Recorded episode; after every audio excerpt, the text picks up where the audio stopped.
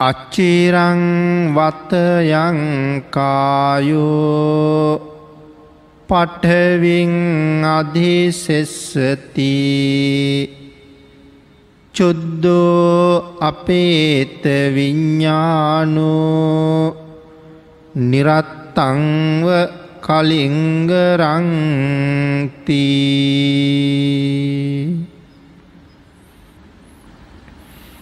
පිනතන ධර්මදේශනාවේ මාතෘකාව හැටියට යොදාගත්ත ගාථාරත්නය ධම්මපද පාලියේ චිත්ත කියන වර්ගයේ සඳහන් වෙන ගාථාරත්නයක්. අපි බුදුරජාණන් වහන්සේ මේ ගාථා ධර්මය දේශනා කළේ තිස්ස කියන හාමුදුරුව අරමුණු කරගෙන. බොහොම කෙටියෙන් සෙහිපත් කළොත් මේ ගාථා රත්නය මේ කය පිළිබඳව අපූරු කාරණාවක් කියනවා. මේ කයෙන් හිත කියන ධර්මතාවේ එලියට ගියපු දවසට මේ කයින් කිසිම වැඩක් නෑ කියන කාරණාව තමයි පැහැදිලි කෙරෙන්නේ. තිස්ස ස්වාමීන් වහන්සේ මූලික කරගෙනයි මේ දේශනාව කරන්නේ. උන්වහස නිසා. අපේ බුදුරජාණන් වහන්සේ සැවැත්නුවර ජේතවනාරාම වැඩ ඉන්න කාලේ. බොහෝම ශ්‍රද්ධාවෙන් පැවිදි වෙච්ච භික්‍ෂූන් වහන්සේ නමක් හිටියා තිස්ස කියලා. කාලයාගේ ඇවෑමෙන් උන්වහන්සේට ලෙඩක් හැදුනා. උන්වහන්සගේ ඇගේ බිබිලි මතු වෙන්ඩ ගත්තා. එව අබෑට අබෑට වගේ මුළු සරුවාන්ගෙම මතු වුණා. තව ටික දවසක් යනකොට එව මුං ඇට වගේ ලොකුුණා. තවත් දවස් කීපයක් යැනකොට එව කඩලෑට වගේ ලොකු වුණා. තවත් ටිකක් දවස් යනකොට ඒව ඩෙබර ගෙඩි වගේ ලොකු වුණා. තවත් ටිකක් කල් යනකොට එක ගෙඩියක් නෙල්ලි ගෙඩි තරන් ලොකු වුණා. තවත් ටිකක් කාලයක් යනකොට ඒ ගෙඩි බෙලි ගෙඩි තරං වර්ධනය වුණා. දැන් ඇඟ පුරාම බෙලිගෙඩි බෙලිගෙඩිවාගේ ලොකු ගෙඩි මතු වෙලා. වේදනාව හරියට. තැන් මේ බෙලිගෙඩි වගේ ලොකු වෙච්ච ගෙඩී සමහරව්ව සිදුරු වුණා. ක්‍රමක්‍රමයෙන් ඔක්කොම සිදුරුවෙන්ඩ ගත්තා. දැම් මේ ගෙඩිවලින් සැරව වැැක්කෙරෙනවා.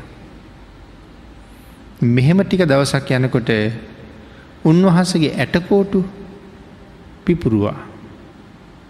මෙතෙක්කල් උන්වහන්සට උපස්ථාන කරන්න භික්‍ෂූන් වහන්සේලා බොහෝම කැමැත්තෙන් හිටියා. ඇටකෝටුත් පිපුරුවාට පස්සේ උන්වහන්සේලා උපස්ථාන කරන එකත් හැරල දැම්ම. ඒ මොකවත් කරන්න බෑ හොළොවන්ඩ මුකුත් කරන්න බෑට කොඩු පුපුරලා. රෑදවල් දෙකේම සැරව ගලනවා. හැම ගෙඩියක්ම සිදුරු වෙලා දැන් හරියට පනුවකාපු කොලයක් වගේ. වේයෝකාපු කොලයක් වගේ හැම්මත් තැනමතුවාල. නිරන්තරයෙන් සැරවි ගලනවා. මුළු සිවූරම සැරවවලින් තෙත් වෙලා. අඳන සිවර ඔක්කොම සැරවෙන් තෙමිලා. එව ටික ටික වේලෙනවා. එතකොට නිකං හරියට මේක කාඩ් බෝඩ් එකක් වගේ. ඒ සිවුර ඇඟට ඇල්ලිලා. මෙහෙන් ඇඟට ඇලිලා අනි පැත්තෙන් ඇඳට ඇල්ලිලා. ස්වාමීන් වහස දැඩ්ඩි වේදනාවෙන් බෝම දුක්විඳිනවා. අපේ බුදුරජාණන් වහන්සේ එක දවසක් මහා කරුණා සමාපත්තියට සමවෙදිලා ලෝක දහතුව බලන වෙලාවේ තිස්ස හාමුදුරුවන්ව දැක්කා. තිස්ස හාමුදුරන්ට පින් තියෙනවා. උන්වහන්සගේ එක ප්‍රාර්ථනාවක් මේ ආත්ම භාවේදීම මුදුම් පත්වෙනවා. භාග්‍යතුන් වහන්සේ වගේ සත්පුරුෂයන් වහන්සේ නමක් මුණ ගැහුණ හම ඒ ප්‍රාර්ථනා මුදුම් පත්වෙලා සසරින් යන්නම යනවා. මම තිස්සට පිහිට වෙන්ඩ ඕන කෙල් හිතුවා. බුදුරජාණන් වහන්සේ දා උදී තිස්ස ස්වාමීන් වහසගේ කුටියට වැඩිය. උන්වහන්සේ බලලා ගිනිහල්ගෙට වැඩිය. පැන් උුණු කරව ගත්තා. ඔරුවක් ගෙනල්ල ඒකට උුණු පැන් දාලා මද රශ්නට වැල් මරාගත්තා. බුදුරජාණන් වහන්සේ ආයසරයක් තිස්ස හාමුදුරුවන්ගේ කුටියට ගිහිල්ලා ඒ ඇඳේ ඒක පැත්තක් භාගිතුන් හසිස්වා. ඒ වෙලා භික්‍ෂූන් වහන්සේල ස්වාමීණී ඉව සන්ඩ ස්වාමිනිව සන්ඩ මද අපි ගෙනියන්නම් කියලා උන්වහන්සේලා ඇඳාරගෙන ගෙනිහල්ගේ ගාවට ගියා. භාගිතුන් වහස තිස් හාමුදුරුවන් නැගිට්ටෙව්වා. නැගිට්වල උන්වහසගේ සිවර ගැලෙව්වා. තද උනුවත්තුරේ උන්වහසගේ සිවර හේදවා. හෝදල වැැන්වා. මද උනුවතුරෙන් උන්වහස හොඳට නැව්වා. දුහුල් රෙදිකඩක් අරගෙන උන්වහසකි තුවාල හොඳට සුද්ධ කළා. පාගිතුන් වහසේමයි මේ ඔක්කොම කරන්නේ. සුද්ධ කරලා ස්වාමින්හස හොදට නාවල ඉවර වෙලා ස්වාමින්හසගේ සිවර වේලිලා තිබුණා. ඒ සිවර අරගෙන ඉල්ල දෙකට නමල ස්වාමින් වහසට ඇන්දෙව්වා. අඳන සිවර ගලෝලා හොඳට තද වුණු වතුරෙන් හෝදලා වැැනවා. භාගිතුන් වහස යානු භාවයක්ත් එක්ක එක ඉක්මට වේලුණා. නැවත අන්දර සිවර අන්දලා සිවර පෙරෙව්වා.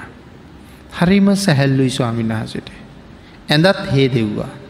සේරම ඇඳ ඇතිරිලි කොට්ටමෙට පිරිසිදු කෙරෙව්වා. ස්වාමින් වහස නැවත පරිස්සමට ඇඳ උඩ තියලා උන්වහස විවේක තැනක සැතපෙව්වා. සියලු කටයුතු ඉවර වෙලා බුදුරජාණන් වහසේ තිස්ස ස්වාමීන් වහසට ධර්ම දේශනාවක් කළා. ඒ මේ ගාථාව මුල් කරගෙන. ඒ දේශනාව අවසානයේ තිස්ස ස්වාමීන් වහසේ සව් කෙලෙස් නසල රහතන් වහසේ නමක් බවට පත් වනා. ඇයි කයත් සැහැල්ලු වෙලා තිබුණි ගතත් සැහැල්ලු වෙලා තිබුණේ හිතත් සැහැල්ලු වෙලා තිබුණේ උන්වහන්සට මේ ධර්මය හොඳටම හොඳටම වැටවුණා. සසර ඉවර වෙනවත් එක්ක උන්වහස පිරිනුවම් පෑවා රහත්වෙනවත් එක්කම පිරිනුවම් පෑවා. භික්‍ෂූන් වහන්සේලා බුදුරජාණන් වහන්සගෙන් අහනව පස්සේ ස්වාමීණී තිස්සට මොකද වුණේ කියලා. එහෙම නැත්තන් තිස්ස ගියේ කොහෙද කියලා. බුදු පියාණන් වහස සඳහන් කලා මහනෙන තිස්ස ආය සංසාරයට නොෙන්ඩම යන්න ගියා කියලා. එතකොට භික්‍ෂූන් වහසල තේරුම් ගත්තා උන්වහස රහත් වනා කියලා. හැබැ භික්‍ෂූන් වහසලට ප්‍රශ්නයක් ඇති වුණා. ස්වාමීණී මේ ජීවිතය රහත් වෙලා සසර කෙරවල කරන්න තරම් පින්ති බිච්ච. මේ තරං ශාසනික ප්‍රතිපදා වේදිච්ච තිස්සට මෙහෙම වනේ යැයි කියලා. මේ ප්‍රශ්නය අදත් තියෙනවා. අදත් හොඳට බනාහන ඒ වගේම භාවනා කරන හතර පෝයිටම හොඳට සිල්ගන්න ධාර්මිකෝ ජීවත් වෙන අයට සමහර වෙලාවට මහ ලොකු කරදරේනවා. අකාලි මැරෙනවා ආර්ථික පසුබිම කඩා වැටෙනවා උන් හිටි තැන් නැතුව යනවා. අදත් මිනිස්සුන්ට ප්‍රශ්නයක් තියෙනවා මේ තරං ධාර්මිකෝ ජීවත්වෙච්ච අයට ඇයි මෙහෙම වෙන්න කියලා. අර තරම් පව් කරන මිනිස්සු අච්චර හොඳට දවසින් දවස බැබලි බැබලි ඉන්නවා. මේ තරම් ධාර්මික වෙන්න අයට ඇයි මෙහෙම වෙන්නේ. එතකොට මේ ප්‍රශ්නය අදත් අපිනුත් අහනවා. එතකොට මේ ප්‍රශ්නයට දිගු අතීතයක් තියෙනවා. මේක අලුත් එකක් නෙම එතකොට හුඟක් පරණ ප්‍රශ්නයක්. එදා අර භික්‍ෂූන් වහන්සේලාට තිබුණෙත් ඔය ප්‍රශ්නම තමයි. ආං ඒකට භාගිතුන් වහසේ හරි ලස්ස උත්තරයක් දෙනවා. පිනතින අපි කල්පනා කරලා බලහම තිස්ස හාමුදුරුව පැවිදි වුණ හුඟක් ලාබාල කාලේ තරුණ වයසින්. එතකොට භික්‍ෂූන් වහන්ස කෙනෙක් කියල කියන්නේ නිතර බණහන හතර පෝයට සිල්ගන්න අවස්ථාවක් ලජිච්ච හැම මොහොතකම භාවනා කරගන්න ගිහි ශ්‍රාවකයෙක් වගේ නෙමෙයි. පැවිදි වෙච්ච දවසෙම තමන්ගේ මුළු ජීවිතයම රත්නත්‍රයට පූජ කරලා තියෙන්නේ. එතන ඉඳලා අපවත් වෙනකම්ම හෝ පිරිනුවම් පානතුරු. බුද්ධ රත්නයට ධර්මරත්නයට සංගරත්නයට අනුකූලව තමන්ගේ ජීවිතය පවත්වන්න පොරොන්දු වෙච්ච කෙනෙක්. එනම් අරට වඩා හුඟාක් ඉහලින් ඉන්න කෙනෙක්. එනම් ඒ තරන් ඉහල ප්‍රතිපදාවක් පුරන්ඩ ප්‍රතිඥ්ඥා දීලා ඒ වෙනුවෙන් වීර්ය වඩන තිස්ස ස්වාමීන් වහන්සේගේයාගේ අයට මෙහෙම වනානං අපි වගේ අයට කොහොම වේදි කියන කාරණාව අපිට හිතන්ඩවත් බැරුව යනවා. තම උදාහරණයක් සඳහන් කිරුවොත්. අපේ අග්‍රශ්‍රාවක මහමුගලන් මහරහතන් වහන්සේ. මහාකල්ප අසංකයකුත් ලක්ෂයක් පාරමිතාපුරපු කෙනෙක්. නමුත් පිරිනිවම් පෑවේ තමන්ගේ ඇටකෝටු අබෑට තරමට කුඩුවෙන්ට තැළුවට පස්සේ. එන උන්වහන්සට එහෙම මොකද වුණේ මේ තරම් පාරමිතා පුරලා. උන්වහන්සේටත් එහෙම වනානං මම කවුද. අපි කවුද කියන තැනට අපි අන්ඩ වෙනවා. අපේ භාග්‍යතුන් වහන්සේටත් නොයෙක් නොයෙක් පීඩාකාරී තත්ත්වයට මුණ පාණ්ඩ මුණ පණ්ඩ සිද්ධ වුණා. භාග්‍යතුන් වහන්සේටත් එවන් තත්ත්වයකට මුණ පණ්ඩ සිද්ධ වුණා නං අපි ගැන කවර කතාද. එහෙමනං මේ ලෝකයේ මේ සියල්ලටම වඩා ඉහලින් ක්‍රියාත්මක වෙන යම් ධර්මතාවයක් තියෙනවා. ආංගේ ධර්මතාවයට බුද්ධාගමය කියල තියෙන්නේ කර්මය කියලා. ඒක නවත්තන්න පුළුවන්කමක් නෑ කාටවත්. විපාක දෙන තැන එක විපාක දෙනවමයි. එහෙමනම් තිස්ස ස්වාමීන් වහසේ මොකක්ද කරපු කරුමේ. භික්‍ෂූන් වහසල ඇහූ අයක භාගිතුන් වහස සඳහන් කළා කාශ්‍යප බුදුරජාණන් වහන්සගේ කාලේ මේ පිරිනිවම් පාපු තිස්ස කුරුළු වැද්දෙක්. කුරුල්ලෝ මරාගෙන ඇවිල්ල විශේෂයෙන් කුරුල්ලෝ අල්ලගෙන ඇවිල්ල. කූඩුවල දාගෙන කවුරු හරි මස් එල්ලහම කුරුල්ල මරල මස් දෙනවා.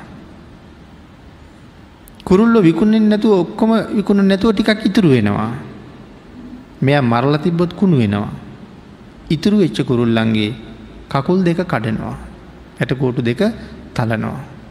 තලලා තටු කඩනවා. තටු කඩල තැනක දානවා. එතකොට ඒගොලන්ට යන්න බෑ. පහුවදා ඒ කුරුල්ලු ගෙනල්ලා අපහු විකුණනවා.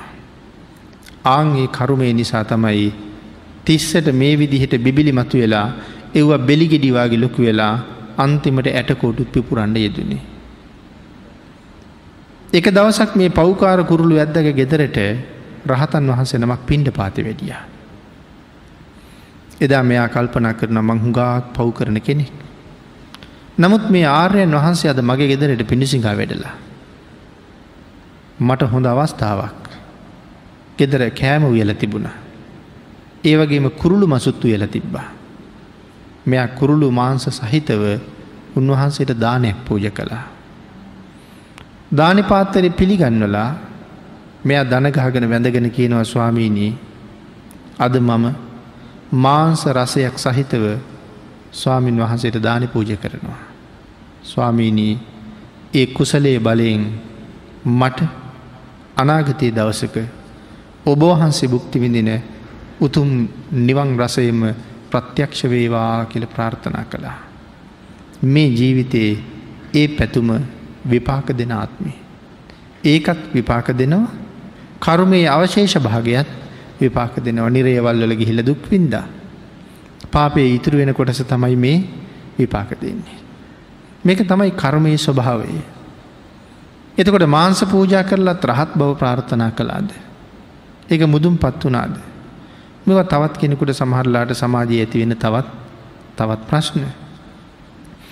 බොහෝ ධර්මදේශනාවල් වලින් එවන් ප්‍රශ්නවලට උත්තර සපේලා තියෙනවා.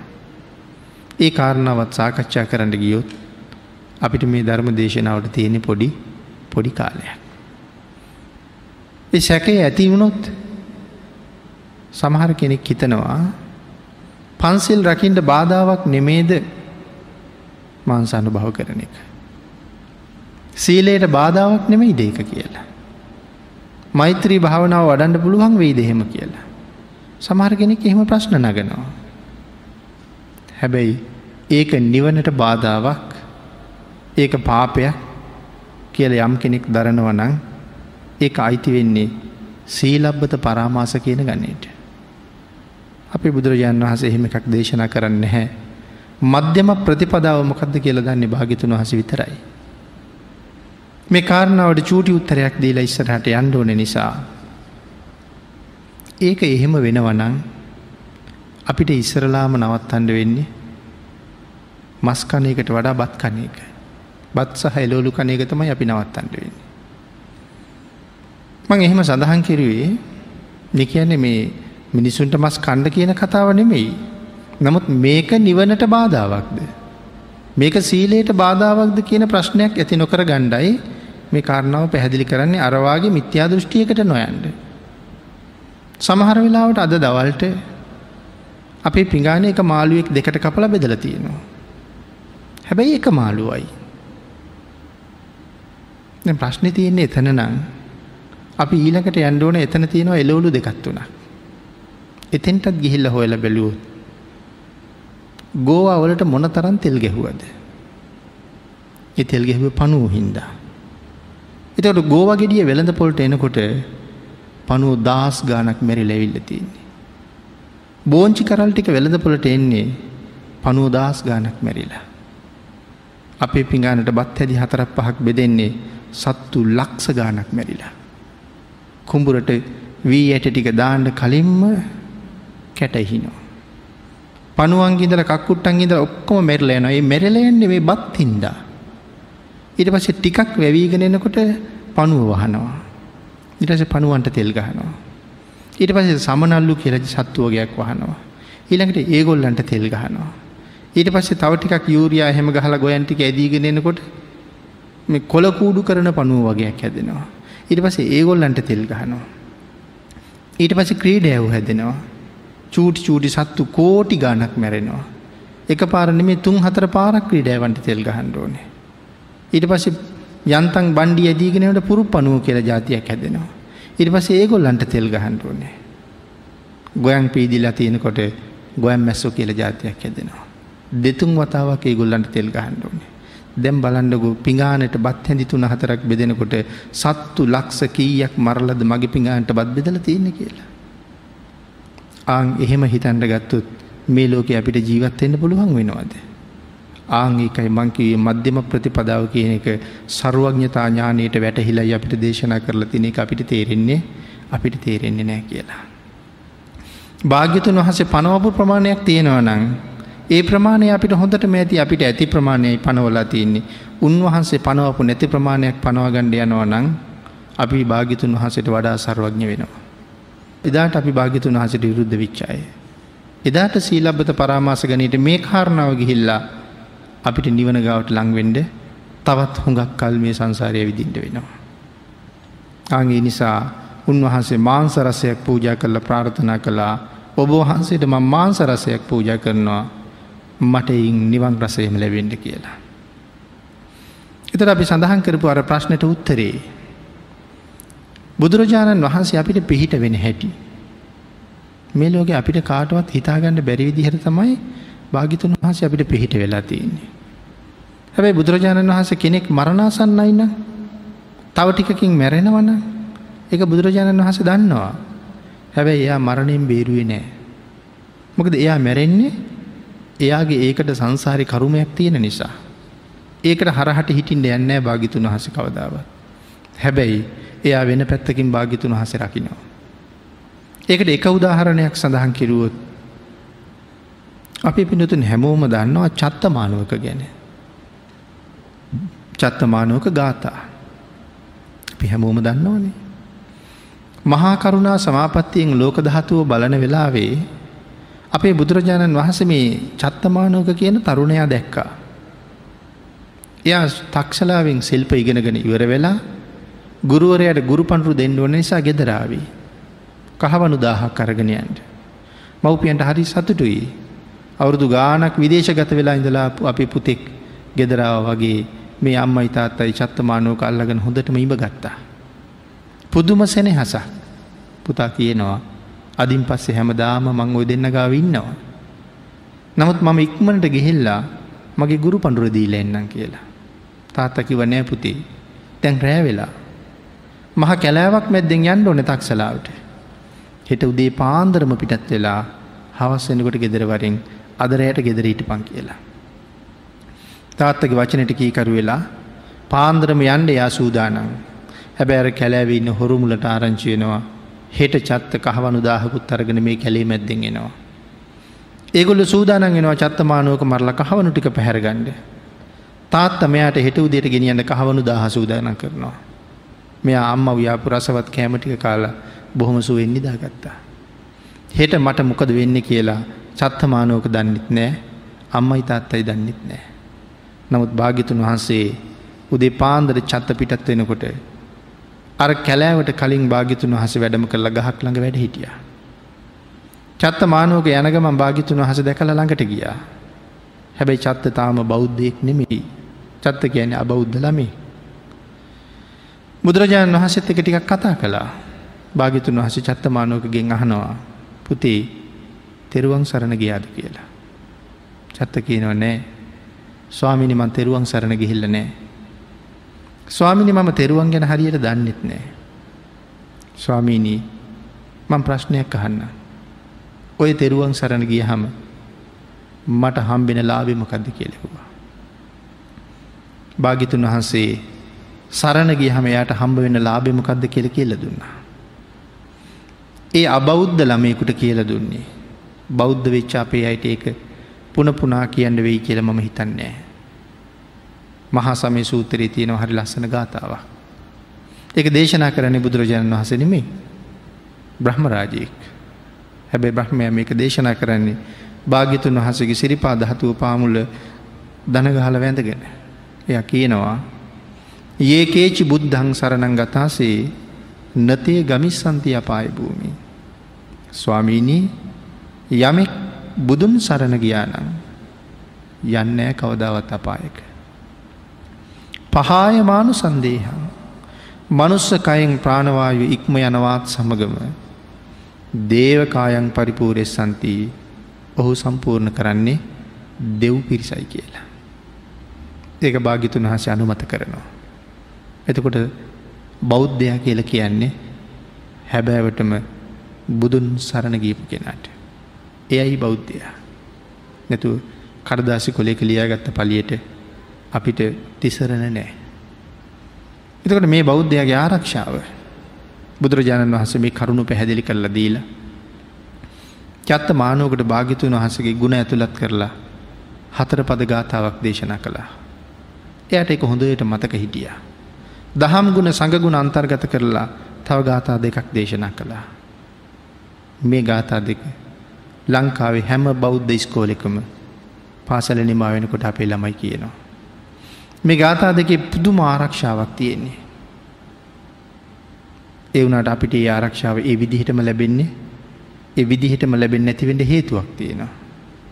ප්‍රධාන හේතුවක් අපි මේ ගාථාව කියන්නේ වරද්ද වරද. අදත් අපේ ළමයි කියන්නේ වැරදිීට. පාසල්ල ගුරුවරුත් ඕන තරගන්නවා. ඒක ලොහොඳට ඉගෙන ගත්ත නිසයි එතෙන්ට ආවි. නමුත් වැරැද්ද හැදිල තියෙන බවක් තාම පේන්නේ තාම පේන්නේ. පළවෙනි ගාථාවම භාගිතුන් වහස දේශනා කරපු විදිහට නෙවෙයි අපි කියන්නේ. පළවෙනි ගාථාව පළවෙනි පදීම. අපේ ළමයි සජ්්‍යහයනා කරනවා ඇහෙන්නේ යෝ අද තම් පව කියල නවත්තනවා. ඊට පසේ ගොල්ලු රෝමනු ජේසු කියල කියන. යෝ අද තම් පව රෝමනු ජේසු. එතකොට මේ පදේ මැද්දෙන් කැඩිලා. මෙහා පැත්තට එන්ඩෝන අකුර එහ පැත්තර ගිහිල්ලා. බුදුරජාණන් වහස දේශනා කළ එහෙම නෙමේ. භාගිතුන් වහස දේශනා කළේ යෝවද තම් පවරූ මනු ජේසු කියලා. දැ රෝවකුර එන්ඩෝනි මෙහා පැත්තට. නමුත් අපේ ගිහිල්ල තියෙන්නේ අනි පැත්තට. එනිසා දැන් අපි කතා කරන්නේ වෙනත් ආගමක තවත් ශාස්තෘුවරය කියන. කෞද මේ මනු ජේසු කියල කියන්නේ. මනු ජේසු මනුජ කියල කියන්නේ මිනිසුන් අතර උපන් කිය නර්ථය. මෙතන මනු ජේසු කියල සඳහන් කළේ මිනිසුන් අතර උපන් ශ්‍රේෂ්ඨ උතුමා කියන අර්ථය. කවුදේ භාග්‍යතුන් වහසේ. මේ ගාථාතුන ය හොදට ආසාාවෙන් මතකතියාගෙන සජ්්‍යහයන කර කර යනකොට කැලෑවි හැංගිලා හිට පොහොරු විසපොවාපු යකින් විත්තා. මානෝකය ඇතනම මැරිල වැටුණ. හැබැයි යා ඊළඟ නිමේශය උපත්තිය ලබන්න තවතිසාවේ. භාගිතුන් හස කල්පනා කළා මේ කාරණාව ඇසුරු කරගෙන විශාල පිරිසකට ලොකු ආදර්ශයක් දෙන්න පුළුවන්. චත්තමානෝක තෞතිසාාව පුදුනා කියලා අපි දන්නවද. අපි දන්නේ. ඒක දන්නේ බුදුරජාණන් වහන්සේ. අපිටත් ඒක දැනගණ්ඩ පුළුවන් විදිහක් තියෙනවා. ඒ දැනගන්න පුළුවන් විදිහට යන්න කොහොමද කියලත් භාගිතුන් වහස අපිට කියල දීල තියෙනවා. ඒ ප්‍රතිපදාව ගමන් කරලා එතෙන්ට ගියොත් ඒ දිහාන අභිග්ඥා ලබන තැනට අවුත් අපිටත් පුළුවන් අපිත් එක්ක ඉඳලා මැරිච්ච එක්කෙනා කොහෙද ගියේ කියලා දැනගන්න. ඒක උන්වහන්සේ විතරක් දැනගෙන හිටියේ නෑ. අපි භාග්‍යතුන් වහන්සේ හැම මගක්ම අපිට දේශනා කරලා තියෙන මෙහෙම කරන්න. මෙහෙම වෙන්න. මෙහෙම වීරිය වන්න. එතකොට ඔබට මෙතෙන්ට එන්න පුළුවන් ඒක දැක ගන්න පුළුවන්. එහෙනම් චත්තමානෝක ඊළඟ මොහොතේ තෞතිසා විපදිච්ච බව අපිට දේශනා කළේ භාග්‍යතුන් වහන්සේ. දැන් හිතන්නකෝ චත්තමානෝක තක්සලාවට වෙලා ඉගෙන ගත්ත ශිල්පවලින් චත්තමානෝක අල්ප මාත්‍ර මෙහෙවරක් එයාට වුණාද කියලා. ඒ ශිල්පය වැඩක්ම නැතුව ගියා. එකින් ප්‍රයෝජන ගණ්ඩ බැරුව ගියා. එයා අරගෙන යන කහවනුවලින් එයාට වැඩක් වුණාද ඒකෙන් වැඩකුත් නැතුව ගියා. කහවනු පොදිය හොරු ගත්තා ශිල්පටික චත්තමානෝකත් එක්කම අභාව ප්‍රාප්ත වුණා. මෙහෙමනම් අපිත් මේ ගුණ ධර්ම පුරණෙව්වා ඔක්කොම පැත්තක තියලා නොයෙක් බාහිර විද්‍යාවන් විතරක් ඉගෙන ගණ්ඩ පටන් ගත්තොත් අපි මැරෙනවත් එක්කම විද්‍යාවන්ටිකත් ඔක්කොම මැරෙනවා. නමුත් කවුද අපිට පිහිට වෙන්නේ. එහෙමනම් අපිට පිහිටකුත් අපි හදලා හදල තියෙන්ට ඕනෑ. ඒ පිහිට තුනුරුවන්ගෙන් තියෙන පිහිට වෙන කාගෙන්වත් තම්බෙන්නේ. මේ තමයි භාගිතුන් වහස පිහිට වෙන හැටි. එනම් චත්තමානෝක මරණින් බේරන්ට තිබ්බනේ. එයා මරණයෙන් බේරුවේ නෑ හැබැයි මෙරිලා පායට යන එකින් බේරගත්තා. මේ භාගිතුන් වහසගේ සරණ ලැබෙන හැටි. අපිත් එක බොහෝ පින්කං කර කර හිටපු අය බලාපොරොත්තු නොවිච්ච විදිහට අවාසනාවන්ත විදිහට මෙරලයන්ඩ පුළුවන්. අපි කතා කරනවා ඇයි මෙච්චර දේවල් කරපු කෙනාට මෙහෙම වුණේ කියලා. ඒක එයාගේ වෙන කරුමයක් එක්ක එහෙම වෙච්ච දෙයක්. හැබැයි එයා කරපු කුසල් එක්ක අපි නොදන්වා වුණට එයා බොහොම සුගතිගාමී තැනක ඉපදිල ඇති. එකයි භාගිතුන් වහස දේශනා කලා මිසක් අපිට ඒක තාම බලන්ට බැරි වුණා කියලා. ඇති මේ විදිහට මේ නැගෙන ප්‍රශ්නෝලට නම් මේ බුද්ධහගම ඇතුළේ අපූරුවට උත්තර තියෙනවා. මට්ට කුණ්ඩලීට පිහිටුුනෙත් භාගිතුන් හස මේ විදිහටමයි. තවත් බොහෝ දෙනා සසරින් මුදුව ගත්ත භාගිතුන් වහසේ. චත්තමානෝක දෙව්ලොව ඉපදිලා දිව්‍ය විමානයක් අරගෙනම භාගිතුන් වහස ළඟට ඇවිල්ලා දස් ගනන් දිව්‍ය ස්ත්‍රීන් සහ දිවිය පුත්‍රයන් එක් ඇවිල්ලා බැබලි බැබලි භාගිතුන් වහසට වඳිනකොට. චත්තමානෝගේ දෙමව්පියෝයි අනි පැත්තෙන් ගුරුප ගිරු ගෙදරයයි චත්තමානෝක මැරිච්ච තැන්ට ඇවිල් හඬා වැලපෙමින් දරසෑයක් ගහල චත්තමානෝක දවනවා. නමුත් මිනිස්සු දෙවියෝ දැකල තිබුන්නේ. මේ ආශ්චර්යමත් දිවිය පුත්‍රයෝ දැක්කහම මේගොල්ලු පුදුමයෙන් පුදුමයට පත්වල ඇවිල්ලා බුදුරජාණන් වහසකින් අහනව ස්වාමිනි කෞද මේ කොල්ලු. ආංගේ වෙලායි භාගිතුන් හස් සඳහන් කළා අර සෑය දැවෙන කෙනා තමයි මේ ඉන්න කියලා. එයාගේ පරිවාර පිරිස තමයි මේ ඉන්න කියලා. අර පිරිසට බොහොම සතුටුයි. අපේ පුතා කොහොමද මෙහිගියේ බුදුන් සරණ ගියපු නිසා. අර හිටපු අය භාගිතුන් වහසගෙන් ධර්මශ්‍රවනය කළා. විශාල පිරිසක් තෙරුවන් සරණ ගියා. විශාල පිරිසක් මාර්ගඵල ලැබවා. මේ භාගිතුන් වහස පිහිට වෙච්ච හැටි. එහෙම නං තිස්ස හාමුදුරුවන්ටත් සංසාරයෙන් එතරවෙඩ පින් තිබ්බා. නමුත් පෙරකරගත්ත කරුමය අර විදිහට විපාක දුන්න. අචිරං වතයංකායු ඔබේ කයටත් මගේ කයටත් චිර පැවැත්මක් නෑ. එක මේ බණහනාසනය උඩ ධර්ම දේශනා කරන ආසනය උඩම නැති වෙන්නත් පුළුවන්. අද ගෙදර යන ගමන් වෙන්න පුළුවන්. ඒක කොතන නැතිවේද කියලා අපි දන්නේ. හෙට උදේ මම තව ධර්ම දේශනාවකට යන්න නැතිවෙයි. ඔබ හෙට උදේ රැකියාවට යන්නේ නැතිවෙයි. ඒ හින්ද මේ ජීවිතයේ කොයි තරං අස්තීරද කියන කාරණාව භාග්‍යතුන් වහන්සේම දේශනා කරප මිසක් අපිට ඒක තේරුන්නේ. එක තැනක භාගිතුන් වහස සඳහන් කළේ අපේ පණ හරියට තනපතක් අගතියෙන පිණි බින්දුවක් වගේ කියලා. එක කොයි වෙලාවෙ වැටයිද කියලා අපි දන්නේ නෑ. උදේට නැගෙන සූරයා හවසට බහින බව සත්‍යයයි. ඉපදිච්ච පුද්ගලයා මැරෙන බව සත්‍යයයි. හැම ගඟක්ම පහලටම ගලන බව සත්‍යයයි. ඒ ගගේ මේ වතුර ටික මෙතන මේ දකින තැන ආය කවදාවත් දකින්න හම්බ වෙන්නේ හම්බ වෙන්නේ නෑ. මේ ආසන උඩ බනාහන්ඩ විල්ල වාඩි විච්චාය ඒ මොහොතේ දැක්කමිසක් අය මේ සංසාරි කවදාවත්ම දකිින්ට වෙන්නේ. දැන් ඒ වාඩි වෙච්චායට වඩා හුඟක් වෙනස් පිරිසක් කොතන ඉන්නේ. ඔබට දහම් දේශනා කරන්න වාඩි වෙච්ච මට වඩා එතන හිටපු පුද්ගලයට වඩා වෙනස් කෙනෙක් දැන්ඉන්නේ. එනම් ගගේ වතුර එක මොහොතක්වත් එතන නොදැනී නොරැඳී ගලනෝ වගේ මේ පුද්ගලයාගේ ජීවිත සන්තානය ඒ තියෙන විදිහට එක මොහොතක්වත් රැඳින් නැතුව මේ රූප කලාප ඉපදමින් ඉපදමින් මැරමින් මැරමින් වේගෙන් අපි වෙනසකට භාජනය වෙනවා නමුත් ඒ අපිට තේරෙන්නේ අපිට තේරෙන්නේ නෑ. ඒ කාරණාව මොන තරං වේගෙන් සිද්ධ වෙනවාද. ඒ කාරණාව අභිධර්මයෙන් තමයි භාගිතුන් වහස පැහැදිලි කළේ. ඒ පැහැදිලි කිරීම ටිකක් දීරව කරන්න ඕන නිසා ඒ කාරණාව අපි වෙනත් වෙලාවක දැනගන්න පුළුවන් වෙයි. ධර්ම දේශනාවට තියෙන කාලේ බොහෝම ගෙවිල ගිහිල තියෙන නිසා. අපි ඉච්චිර පැවැත්මක් නං කොහොමත් ඇත්තේ ඇත්ත නෑ හැම මොහොතක් මොහොතක් ගානේ මේ පුද්ගලයාගේ ජීවිතය විනාසස් ස්වභාවයට පත්වෙනවා. මොක ඒක භාගිතුන් වහසගේ පරමාර්ථ ධර්මයෙන් මනාව දේශනා කළා. අච්චිරංවත යංකායු. පටවින් අධිසෙස්සති. මේ චිරනැති කය යම් මොහොතක මේ කයින් ප්‍රාණවායුව දවසක එලියට යනවා. ආවිෂයයි උෂ්ණයයි විඤ්ඥානයයි කියන තුන් දෙනා මේ කය අතහැර ලකුයි වෙලාව පිට වීද දන්නේ.